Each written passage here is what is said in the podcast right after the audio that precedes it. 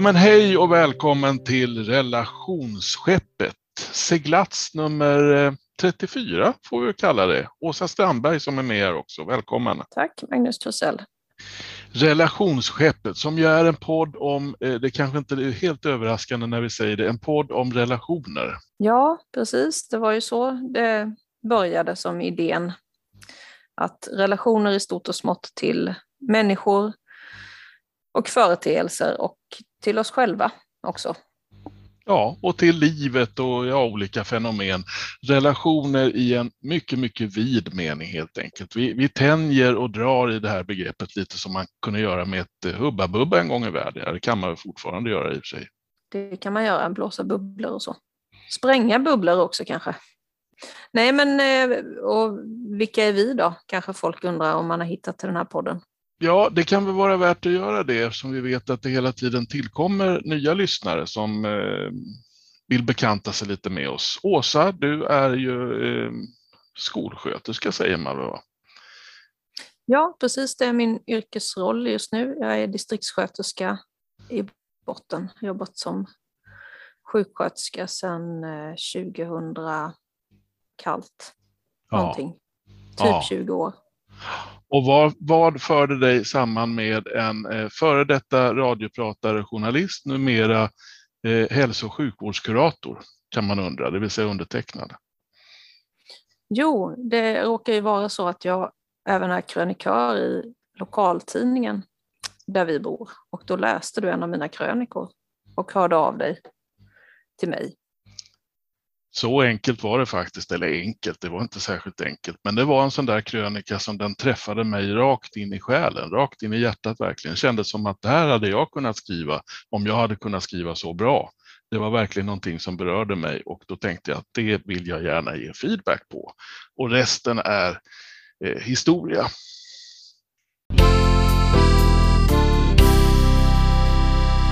Men jag tänkte att vi skulle få någonting att bita i nu som första ämne den här gången i relationsskeppet. Vi ska tänka oss in i en situation som gäller ett eh, kärlekspar. De har haft en relation några år. De har till och med barn tillsammans, bor ihop. Om de är gifta eller inte, det har inte med saken att göra. Det har ingen betydelse här, men de har ett liv ihop helt enkelt. Och så visar det sig att eh, den ena eh, parten i den här relationen har vid sidan av jobbet ett stort intresse.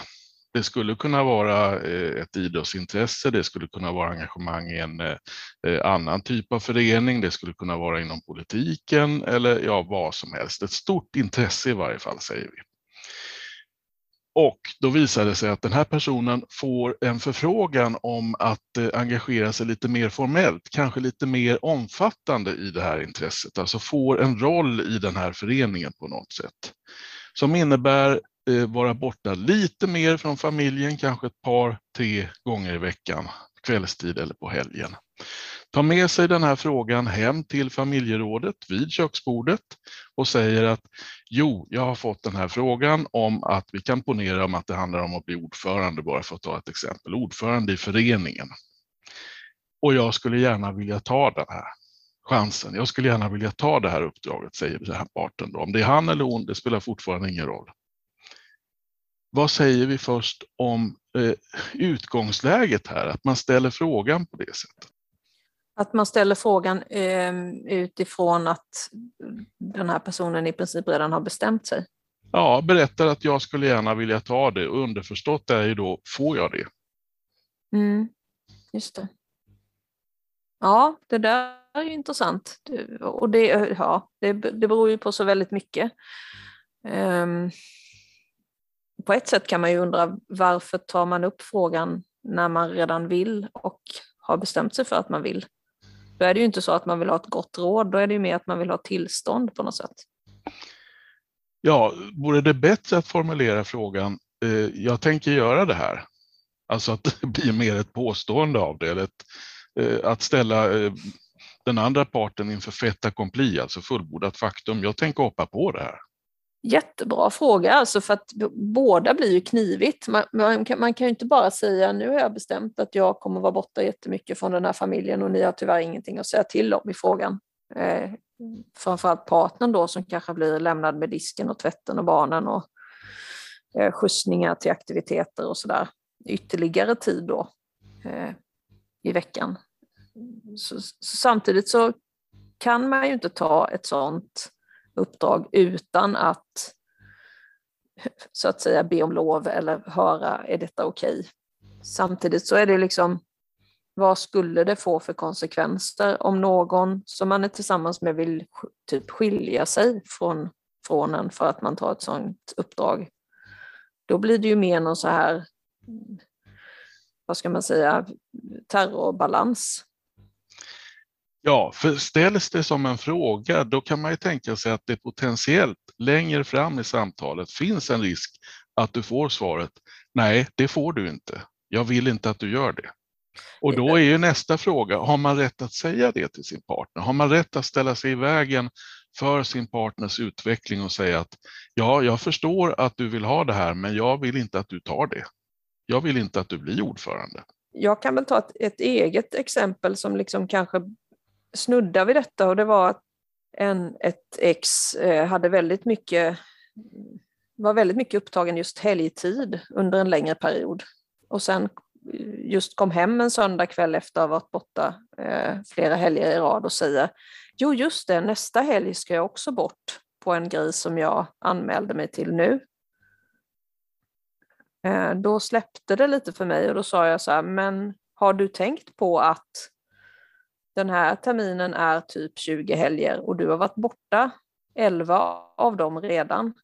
Eh, vore inte bra om du bollade det med mig så att jag kanske också kunde ha en helg där jag kunde göra något. Eftersom vi hade liksom åtaganden hemma så man, man kunde inte bara lämna hemmet och försvinna därifrån båda två samtidigt. Liksom.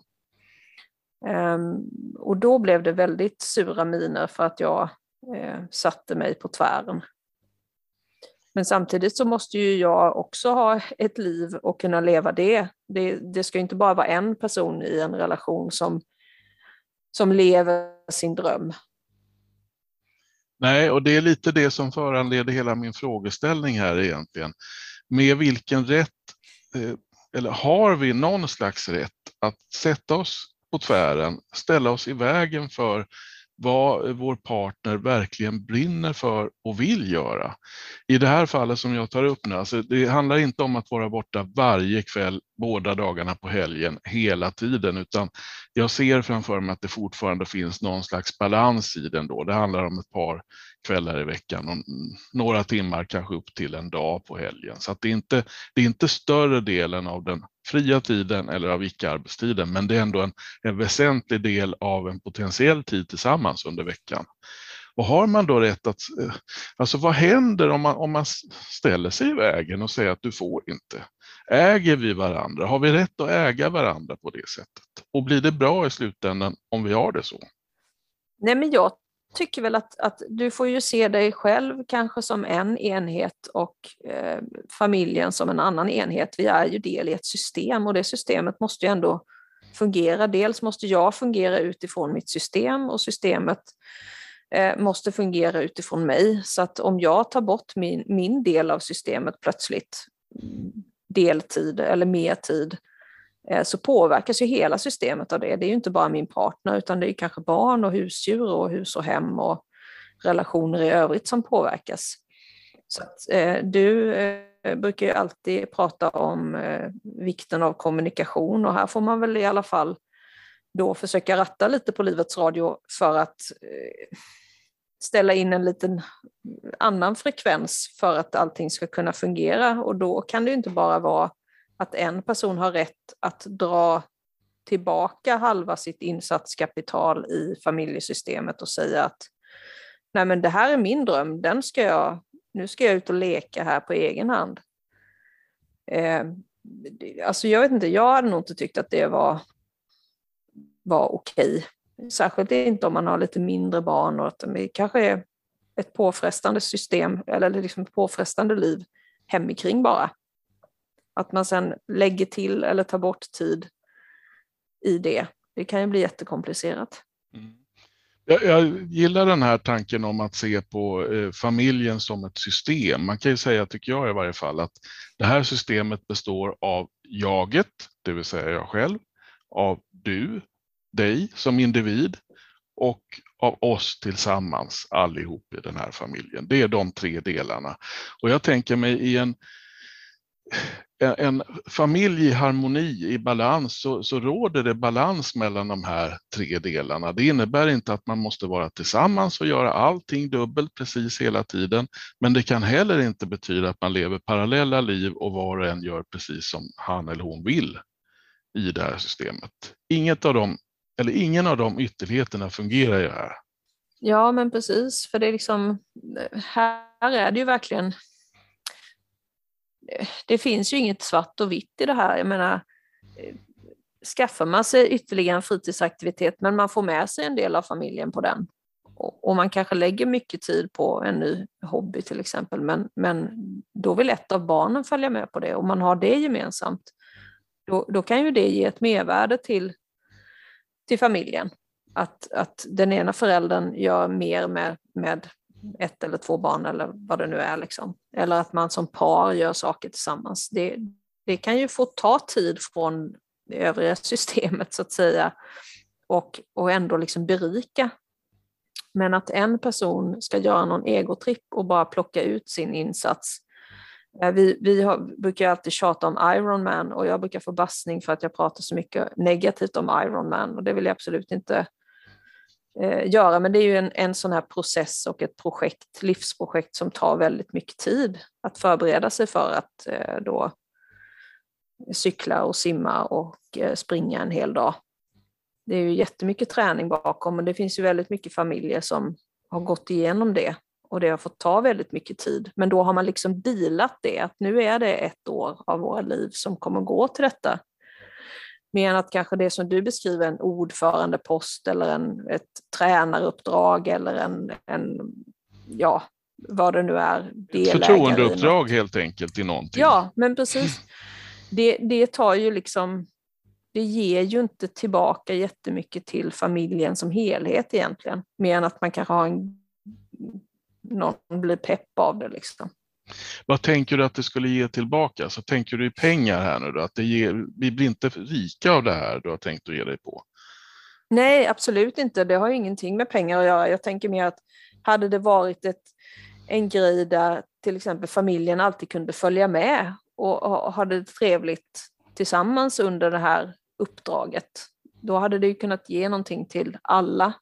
Eh, här blir det kanske mest att, att det tar tid och energi Ehm, från en person i familjen eh, och de andra blir liksom sittande hemma på något sätt. Sen kan väl de hitta på vad de vill såklart, men, men liksom energimässigt så försvinner det ju mer eh, än det kommer till, tror jag, med en sån grej. Ja, vad det definitivt kan komma till är ju en välmående, harmonisk eh, person som åtar sig det här uppdraget, som känner att det här är så viktigt så det här vill jag göra. Då får man väl utgå från att det ger någonting tillbaka, åtminstone till den personen då, som mår bättre av det här, vilket i sin tur kommer att påverka i någon mån i varje fall familjesystemet. Att här har vi en person som är i balans, som får följa sitt hjärtas mening, göra någonting som, som hen brinner för och det borde väl gagna oss alla. Ja, det, det hoppas man ju. Absolut. Men eh, det, det är ju liksom... Jag, får, jag citerar Carola här nu i varje poddavsnitt känns det som, men jag, jag kommer tillbaka till det, det är en sån här rad jag tänker ofta på. Eh, det är dagarna som går som är livet. Det måste funka liksom. Det, eller måste funka, det, det, det är livet, det är ju det som pågår hela tiden. Om du tar din din tid från ditt familjeliv till någonting annat så måste det ju verkligen ge någonting i andra änden. Det ska ju inte vara ytterligare stress, ytterligare ett på, påslag hela tiden. En nervositet eller prestationsångest eller ja, vad det nu kan vara om man säger ett förtroendeuppdrag. Det kan ju vara jättemycket stress och att du får ekonomiska saker du har ansvar för och det är inte bara liksom kanske att du ska hjälpa världen där, utan eh, att det ändå faktiskt blir minus på ditt konto på något sätt, själsligt och tidsmässigt. Men du har ju rätt i, i detta som jag brukar påtala, att jag påtalar vikten av kommunikation. Så att för mig är det ju jättebra att det här är en fråga som lyfts in för någon form av samtal över köksbordet i varje fall så långt. Så att man inte bara kommer hem och säger att nu ska jag göra det här, punkt. Då blir, det blir inget bra i längden. Men det jag vill åt eh, allra mest är egentligen, vad händer om eh, motparten, eller motparten, partnern säger nej? Har vi rätt att säga nej till vår partner? Stoppa vår partner från att göra någonting som känns viktigt och som är nästan ett ett kall kanske är att ta i, men någon form av livsuppgift i alla fall. Och vad händer om vi gör det? Om vi nu säger att partnern säger nej, du får inte, ah, okej, okay, då gör jag det inte, säger då den som fick den här frågan. Och sen ska man sitta och äta god middag och dricka vin eller vad man nu gör och försöka ha trevligt och så vet man att egentligen så är min partner någon annanstans. Egentligen skulle hen inte vilja vara här. Egentligen skulle hen vilja vara på det där mötet. Ja, Ja, jag, jag kan väl tycka att man har rätt att, att inte säga nej, men man har rätt att säga eh, då vill jag att du lyssnar på vad det, in, det här innebär för mig. Jag som sitter här mitt emot dig som vill så mycket nu. Eh, man kan ju ta ett exempel. Jag, jag kommer hem till min kille och säger jag tänker, jag har bokat in mig för lä med Läkare utan gränser. Jag kommer att försvinna här nu i åtta månader till något krigshärjat område där jag ska stå i ett vitt tält och, och hjälpa mänskligheten. En så något större fråga kan man ju säga. ja men det är ju samma sak, det är som ja. du säger, att det, det, här skulle utveckla mig, det här är någonting jag brinner för, det är någonting jag verkligen vill göra. Så nu kommer jag lämna hus och hem här och, och, och försvinna iväg på detta som jag vill. Ja, visst, då, jag tycker istället att ingången ska vara min, min dröm är att få göra det här. Eh, jag ser möjligheten att få det här uppdraget. Hur känner du när jag säger det? Du vet ju att jag vill det, för att förmodligen så har man ju så bra kontakt med varandra. Så att jag hade vetat om min kille hade velat ha det där förtroendeuppdraget så hade jag ju vetat det och känt att när den dagen kommer och han tar upp att det finns tillgängligt för mig så hade jag ju kunnat säga att ja men herregud, det är ju det du alltid har velat göra. Kör! Som alla hör så blir ju det här, det blir nästan så mellan dig och mig till och med, någon form av dealande, alltså att man får sätta sig ner och, och, och se och vad, vad ger det här för mig och vad kan det här ge för dig och vad behöver jag göra för att du ska kunna göra det här och vad behöver du göra för att jag ska kunna göra det här och hur hittar vi balansen i det här systemet om jag nu tar det här uppdraget det, det, blir ju lite det i slutändan, att, man, att det blir ett dealande om vi kallar det för det. Det låter inget bra ord. Det, det, blir en diskussion med ett givande och ett tagande där man får se till att båda går från diskussionen så nöjda som möjligt. Om, om båda känner sig som vinnare kan ju vara lite oklart kanske, men Ja, men det är väl inte för inte det kallas, alltså man säger att man ska ha ett litet familjeråd eller ett rådslag vid middagsbordet. Det, är ju, det måste ju vara en diskussion, det måste ju vara att alla får säga, eller de som vill säga något, får och har möjlighet att säga sin eh, åsikt utan att eh, få på käften eller bli, bli nedsablad för att eh, det där har du inte rätt att tycka, du har inte rätt att säga nej, du har inte rätt att säga ja. Alltså, det, det, det måste ju vara en diskussion och och det har vi sagt förut i podden, här diskussioner om sådana här saker, det är ju inte konflikter, utan det är ju ett sätt att kommunicera, där du ger och tar, du lägger fram och tar emot synpunkter och, och kanske får en ny synpunkt själv på, på köpet som du kan lägga fram. Så att det, de här diskussionerna måste ju finnas i en relation, annars är det ju dödfött. Ja, det är ju ett av kriterierna på en väl fungerande relation, att man kan ta den här typen av samtal eller om man så vill diskussioner med varandra. Eh, om man inte gör det på ett bra sätt, om vi nu säger att svaret blir nej, det får du inte, eller svaret blir jo, det tänker jag visst göra. Jag tänker ta det här bara så du vet. Alltså då får man ju någonstans ställa sig frågan, är det här en relation som jag vill vara en del av? Där vi är så ultimativa med varandra, så kategoriska med varandra så att vi inte kan föra ett resonemang och försöka hitta lösningar tillsammans. Nej men precis. Det, ja, nej, det finns ju ingenting som är så eh, tråkigt som när det blir så. Att ja, men då ska jag, eller då, om du ska göra det här, då ska jag göra det mm, mitt som jag vill. Eh, alltså att det ska vara någon sån här lek också. Det är många som håller på med det. Ja, nu åkte han dit med sina killkompisar, då ska jag åka någon annanstans. Och, ja. Jämvikten är såklart viktig och jag är glad att du säger jämvikt och inte jämställdhet för att när jag la fram det här ämnet så var jag väldigt, väldigt noga med att inte göra det till en jämställdhetsfråga. Alltså att eh, mannen ska men inte kvinnan eller vice versa. För det är inte det det här ämnet handlar om utan det handlar om att skapa en jämvikt på något sätt. Och för att nå den så behöver man ju prata med varandra på ett vuxet sätt, kunna uttrycka vad man känner, tycker och tänker utan att bli bemött på ett kategoriskt eller fördömande eller skuldbeläggande sätt, utan man har ett sakligt bra samtal där man lyssnar på varandra och där man ger och tar och försöker hitta lösningar tillsammans. Ja, att man inte är så rädd för de här samtalen, för de är faktiskt inte farliga. De är jätte, jätteviktiga för relationen. Och det är jätte, jätteviktigt för att barnen får höra sådana här diskussioner också. Eh, många barn tror att mamma och pappa är osams så fort de börjar liksom byta ut åsikter, men så ska det absolut inte vara, utan eh, samtal som du kallar det, jag kanske kallar det diskussioner eller vad, vad man vill kalla det, är ju jätteviktiga i barnens uppväxt att de ser att ja, men här är två vuxna som faktiskt utbyter åsikter och det är inte farligt. Det är inte farligt att samtala om mer eller mindre viktiga saker. Det kan ju vara allt ifrån, ska vi verkligen äta falukorv? Det är ju inte bra mat. Till, ska jag få stå i ett vitt tält i, i Jemen i åtta månader? Låt mig uppehålla mig några sekunder till det här, kring det här begreppet jämvikt också. Självklart så är det eftersträvansvärt i en relation att det ska vara en jämvikt mellan jaget, duet och viet. Men jag menar också att man kan inte mäta den jämvikten i varenda sekund, alltså att man ska hela tiden göra allting tillsammans, man ska hålla ihop systemet i alla ögonblick och om du gör det så får inte du göra det och så vidare, utan man måste se det lite mer över tid.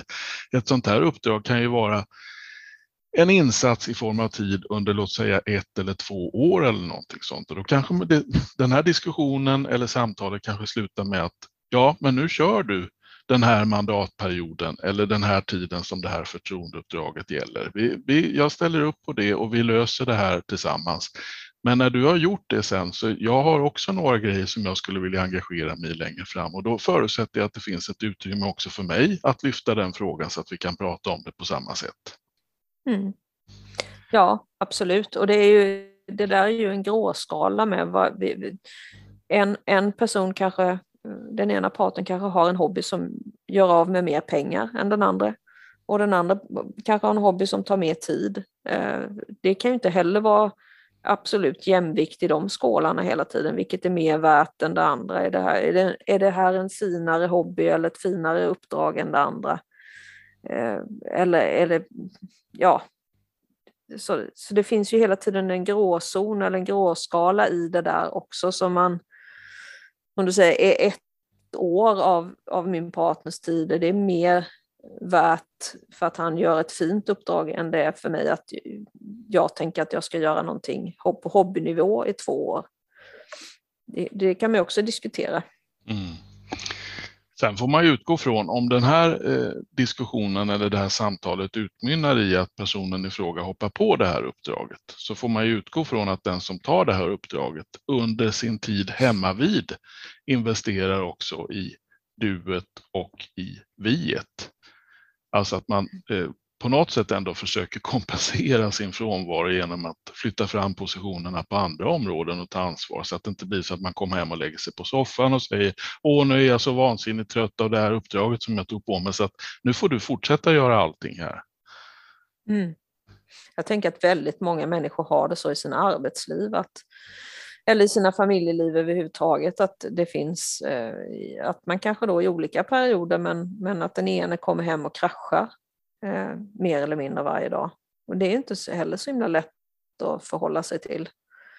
Och där har vi pratat om att växeldra och det är inte heller lätt att, att, att få till det. Men det är ju svårare också om, om man nu säger att uttryckligen att nu ska jag investera min fritid i det här viktiga uppdraget. Ja. Mm. Men för egen del kan jag säga att det ska extremt mycket till. Det är nästan så extremt mycket så att jag inte kan tänka mig en situation där jag säger nej till min partner. Utan jag kommer nog lägga upp ett sådant samtal kring att vi tillsammans hittar lösningar i så fall. Att jag skulle ställa mm. mig i vägen och säga att nej, du får inte. Alltså det känns så oerhört långt från mig, så främmande mig och allt jag står för så att jag kan som sagt nästan inte ens tänka mig den situationen. Och det är nästan som är ännu värre är ju det här, jaha, ja ja, men gör du det? Jag, får, jag är ju här hemma som vanligt då. Ja. Och sen så pyser den andra iväg och gör det de vill och sen är det missnöje i alla fall. Ja, då är vi inne på den fram. allra farligaste vägen i en relation. Då börjar vi prata om gaslighting och sådana saker som vi varit inne på tidigare. Alltså att man, att man säger en sak men egentligen menar någonting annat eller inte säger någonting, är bara tyst och sen kommer skuldbeläggandet efteråt. Mm, det borde du väl ha begripit att det skulle bli så här när du la så mycket tid på det där andra. Vi har ju ofta kommit in på det där, om man nu ska prata om relationen till sig själv, det här med att folk ofta säger runt omkring att det är så viktigt att man älskar sig själv och att man tycker om sig själv och ta hand om dig nu. Du måste ta hand om dig själv. Tänk på att du är viktig för många, stod det på en eh, tavla på en skola häromdagen som jag var på. Och det, det, är ju jättefint och det är väldigt lätt att säga eh, just det där att ta hand om dig nu, du ska ta hand om dig själv först i alla lägen. Eh, utifrån också det vi pratade om förut här nu med, med det ämnet där det liksom kan bli slitningar kring att den ene är borta mer än den andra och sådär. Eh, så jag tänkte att vi skulle prata om det där, hur man kan ta hand om sig själv på liksom lite mer ett äkta sätt än det där slentrianmässiga man bara säger till folk. Ja, man säger ofta det numera, ta hand om det eller var rädd om det. Var rädd om dig. Ha det så mm. bra har klingat av på något sätt. Mm. Jag har börjat avsluta mejl med allt gott! Utropstecken. Jag vet inte om det låter lite... Hej 40-talet! Grejen är att jag gör ofta det också, så att vi är sprungna ur samma årtionde i så fall. Oh jag tycker God. det är fint. Och, det, och dessutom har ja, jag... signaturen i slutet av mejlet, vänligen Magnus Krusell, tycker jag också är trevligt, men det kanske också klingar 40-tal. Nej, jag tycker det är jätte jag tycker det är fint. Eh, det låter väl trevligt. Men att ta hand eh, om sig själv, det, det är väl för det första hoppas jag, både du och jag och alla som lyssnar är överens om att det är någonting viktigt här i världen att ta hand om sig själv. Så att så långt är vi överens. Ja, absolut. Men, men om man ska liksom försöka fånga in vad är det för någonting så är det ungefär som det här fånga dagen. Ja, hur fan gör man det? Hur tar man hand om sig själv varenda dag? Och hur älskar man sig själv varenda dag, året runt? eh, i med och motgång. Det är ju liksom lät som något sånt där bröllopslöfte, men det kanske man skulle ha ett, gentemot sig själv också, att ja. i nöd och lust ska man försöka älska sig själv. Du, du är inne på att man ska arrangera någon form av bröllop med sig själv. jag har faktiskt förlovat mig med mig själv en gång. och det sprack eller? jag träffade en annan. Oj då. Oj då. ja. ja, där ser man. Men du, du formulerar det som att, vad var det du sa, ta hand om sig själv på, på riktigt eller någonting sånt, sa du inte det? Alltså på, på djupet eller så det inte blir så slentrianmässigt. Hur man ja, tar hand om sig, det är det som är frågan. Exakt, alltså för att eh, det, det, blir ju sådär att man, man säger det att ja, man borde ju ta hand om sig, man borde kanske äta bättre tänker man då och så tänker man tror jag att många tänker, nu säger jag man, eh, man tänker att man skulle äta rätt, man borde gå ner i vikt, man borde cykla mer kanske till jobbet istället för att ta bilen, man borde se över sina utgifter, man borde rensa ut allt godis hemma, man borde vara duktig på att höra av sig till vänner och släkt och, och så blir det liksom, det blir en enda gröt av eh, relationen till sig själv gentemot andra. Hur, och sen blir det också en fight. Jag, jag tycker att vi människor hela tiden på något sätt är i någon slags kamp mot oss själva. Och det är ju inte att ta hand om sig själv, att försöka banta eller att försöka piska sig själv för att man eh, inte orkar höra av sig till någon eh, gammal släkting. Och, eh, det, det, det, är så många lager i det där. Förstår du lite vad jag är ute efter? Alltså att det är inte bara att ta hand om sig själv för mig är inte att banta bort de där extra kilorna. Nej, det kan det ju vara om du verkligen vill det själv, om det är viktigt för dig själv. Men om det, om det är viktigt för dig själv i relation till andra människor, då vet du sjutton om du ska ge dig på det. Dessutom så är det så knepigt det här med att gå ner i vikt det, det, är faktiskt så att alla människor kan inte gå ner i vikt, i varje fall inte på egen hand. Det kan tänkas vara så i betydligt fler fall än vi tror att man behöver hjälp med den saken, därför att det har med ämnesomsättning och genetiska förutsättningar och massa annat att göra. Att man är kraftig behöver inte betyda att man lever ett osunt liv per automatik. Nej, och det kan handla om beroendesjukdom också. Det tror Dessutom jag att många glömmer. det, ja. mm. Mm. Man tycker synd om, om eh, de som håller på med knark, men man tycker inte inom de som äter för mycket på samma vis. Men Eller du, för lite. Du vill egentligen inte höra mig rabbla M-orden här som jag varit inne på någon gång tidigare, det vill säga motion, att man rör på sig lite grann, mat, att man inte äter mer än man gör av med, madrass, att man ser till att man sover sina 6, 7 eller 8 timmar per natt eller vad man nu behöver.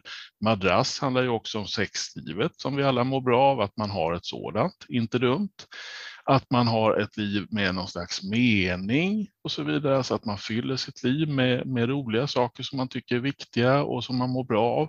Det är inte det du vill höra av mig nu egentligen. Nej, det, ja, det är det också. Det är också naturligtvis jätteviktiga faktorer, men det tror jag att alla vet. Det däremot som jag tänker mig att många inte vet eller inte kan liksom nå eh, och nu talar jag i liksom egen sak lite för att jag tycker att jag, jag har ändå hittat eh, in till det där, vad är det jag vill? Vad är viktigt för mig? Och vad är det jag vill göra som bara är för mig? För det är väldigt lätt, i alla fall när man är i, i den här familjecirkusen som ju du kanske är mer i än vad jag är som har vuxna barn. Att att det hela tiden är andras behov, andras tid. Eh, och det här systemet som vi pratade om tidigare, det styr så jättemycket av ens tid och ens ekonomi och ens liksom ork. Att man, man hinner inte med det när man har barn som är mindre. Så att jag är ute efter liksom att jag tycker det är väldigt viktigt att man försöker titta inåt eh, om du, om du bara är dig själv, om du inte representerar någonting brukar jag säga, om du inte representerar din yrkesroll, om du inte representerar din familj och din släkt och allting som du eh, står för, utan du bara är dig själv, vad är det då du vill göra? Vad är det då du vill uppnå? Och det är då man kanske kan hitta det där eh, Läkare utan gränser-tältet. Ja, men det kanske är det det är det viktigaste för mig. Det, det vill jag verkligen göra. Och sen att man försöker fokusera på det. Ja, här är ett av väldigt många skäl kan jag säga till att jag är väldigt, väldigt trött på sociala medier. Det är nästan så att jag orkar inte scrolla igenom Facebookflödet längre därför att det är så många som stoltserar med sina bedrifter när det gäller ja, mm. träning och kost mm. och mycket, mycket annat. Och det är klart, det får man väl göra, men jag kan tänka så här, hur äkta är det? Om du måste basunera ut det på det här sättet, är det då viktigt för dig eller gör du det här för att du tror att det är viktigt för ditt anseende på något sätt, för vad folk ska tycka och tänka om dig? Mm. Och så är ja. det väldigt mycket skuldbeläggande i det också. Jag tror att ska man börja med att verkligen ta hand om sig själv så ska man försöka stänga av den här olyckskorpen, lille gnölen eller vad vi nu kallar det här fenomenet som sitter på axeln och kraxar i örat en massa konstiga moralpredikningar om både det ena och det andra, vad du borde och vad du ska, vad folk ska tycka och tänka och så vidare. Stäng av den. Ja, det är intressant med sociala medier också att eh, det är så vanligt att, att man får bassning för just, eh, som du säger, sådana här saker. Eller om man, om man går ut precis tvärtom och säger det här är jag, eh, jag är rund och god och glad. Eh, alltså det här med kroppsaktivism, att, att man går åt det hållet istället. Alltså det finns alltid folk som kan hacka på dig hur du än beter dig på sociala medier. Och jag hade faktiskt en incident eh, idag här när jag kommenterade ett inlägg där, jag ideologiskt tycker en sak och så säger jag det. Ja, men jag tycker inte att det här är rätt. Och så får jag på truten direkt för det. Eh, det och det är kanske en, en sån där sak som jag känner att det här är jag som person nu som kommenterar här. Det här är vad jag tycker, det är det, vad jag känner och som jag, det här är äkta för mig. Och så får jag på nöten direkt det, det, är en väldigt eh, ful baksida av sociala medier också, om man nu försöker hitta det som är äkta för en själv. Men kan man säga så här då att grundförutsättningen för att ta hand om sig, det är att man tar hand om sig för sin egen del utifrån vad man själv vill och tycker och tänker. Inte att man tar hand om sig för någon annans skull, inte ens för partners skull. Nej, men exakt. Alltså att försöka hitta det där som är kärnan i en själv, inte det som är konventionen eller normen eller vad borde jag, 48 år vit kvinna som bor på landet, vad borde jag vara intresserad av, vad borde jag hålla på med? Men jag kan så tänka så här ibland, man ser ju folk på, på sociala medier som lägger upp att de har bestämt sig för att de ska ut och springa 200 dagar i rad eller de ska träna till Ironman, nu kom det exemplet upp igen. Eller, alltså, det får, man får ju gärna göra det, men i och med att man lägger upp det på det sättet så kan jag, jag kan fundera över, vill du det här verkligen själv eller gör du det här för att du ska få någon form av belöning från andra människor, en uppskattning från andra människor? Mm. Alltså jag, tänk, jag har ofta tänkt på det när jag har liksom uttryckt åsikter sådär, för det har jag gjort ganska mycket genom åren och det har väl folk eh, både stört sig på och glatt sig åt eh, i, i olika läger såklart. Men det är liksom att jag vill inte tala om för andra vad de ska göra. Jag vill inte tala om för andra att jag går på gymmet, därför tycker jag att du borde göra det också. Utan jag vill hellre då sända ut en signal som säger hej, jag är också 48 år och går på gymmet. Jag vet hur det känns. Jag finns här också. Jag är som du.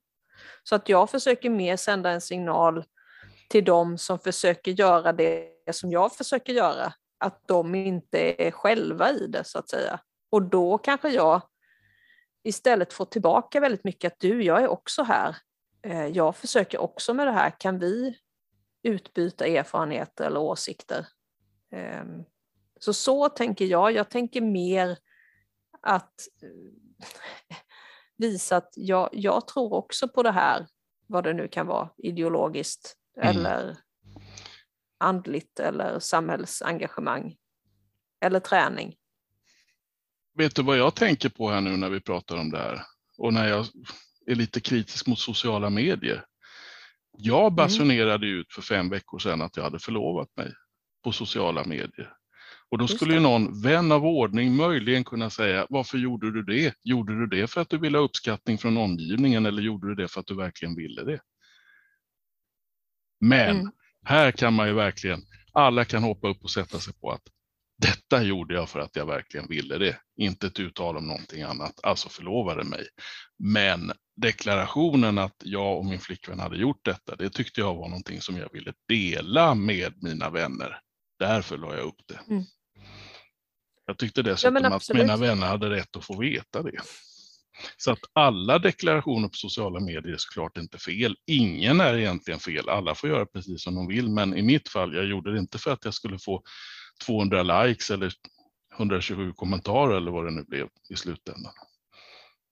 Men vad tycker du om de här då som, som säger så här, ja men nu ska jag göra en run streak, det var det som du beskrev förut, att man, man bestämmer sig för att man ska springa varje dag, minst en engelsk mile tror jag det är i, från början. Eh, varje dag ett visst antal veckor eller månader eller år. Eh, och så lägger man upp det på sociala medier, här är jag första dagen, nu ger jag mig ut och springer, nu ska jag springa varje dag. Eh, och sen så träffar man den här personen och så säger man, var, varför la du upp det på sociala medier? Och så säger personen i fråga. Jo, men det är för då har alla koll på att jag ska göra det, så då kommer jag inte undan. Det tycker jag är ett jättebra skäl. Om man till exempel ska sluta röka så är det ett, en alldeles utmärkt metod att berätta det för alla människor du möter att du ska sluta röka därför att det kan hjälpa dig att hålla fokus. Alltså du sätter lite press på dig själv att leva upp till det här. Mm. Men du gör, alltså, däremot om du lägger upp det bara för att du ska få uppskattning utifrån, bara för att folk ska se dig och kicka igång ditt belöningscentrum i tid och otid, då är jag mer skeptisk. Ja, jag håller med dig. Socialt eh, tryck liksom, kan ju vara bra i vissa situationer. Men om man gör någonting så här mer hobbybetonat så blir det ju kanske mer, då får jag känslan så här, jaha, vill du verkligen det här? Eller gör du det, precis som du sa nyss, bara för att ha något att skriva om på sociala medier? Är det därför du lägger upp det här? Eller är det Springer du på det här viset för att du verkligen vill det eller för att det är en trend just nu? Och alla andra gör det, oj, jag känner mig pressad, jag måste nog också göra en runstreak. Ja, jag kan personligen fundera över om det är så hälsosamt med sådana här så kallade runstreaks, heter det så? Men det är min egen. Jag, ja. jag värderar inte vad, alla, vad andra människor gör. Folk får göra precis vad de vill. Och är det så att folk vill lägga upp eh, statusar på sociala medier bara för att kicka igång sitt belöningscentrum så gör det då. Men jag skulle inte vilja göra det och jag tror inte det leder till någonting hållbart i längden. Nej, det där har faktiskt en tjejkompis och jag eh, diskuterat för både hon och jag lägger väl upp ganska mycket på sociala medier, eller har gjort tidigare i alla fall. Nu har väl både hon och jag dragit ner på det, men, men alltså det är ungefär som det här, varför håller tjejer på att fixa läpparna eller varför håller tjejerna på att färga håret för tusentals kronor, ändå ingen som ser skillnad på frisyren när de gick dit till frissan och när de kom ut, de ser likadana ut och sådär.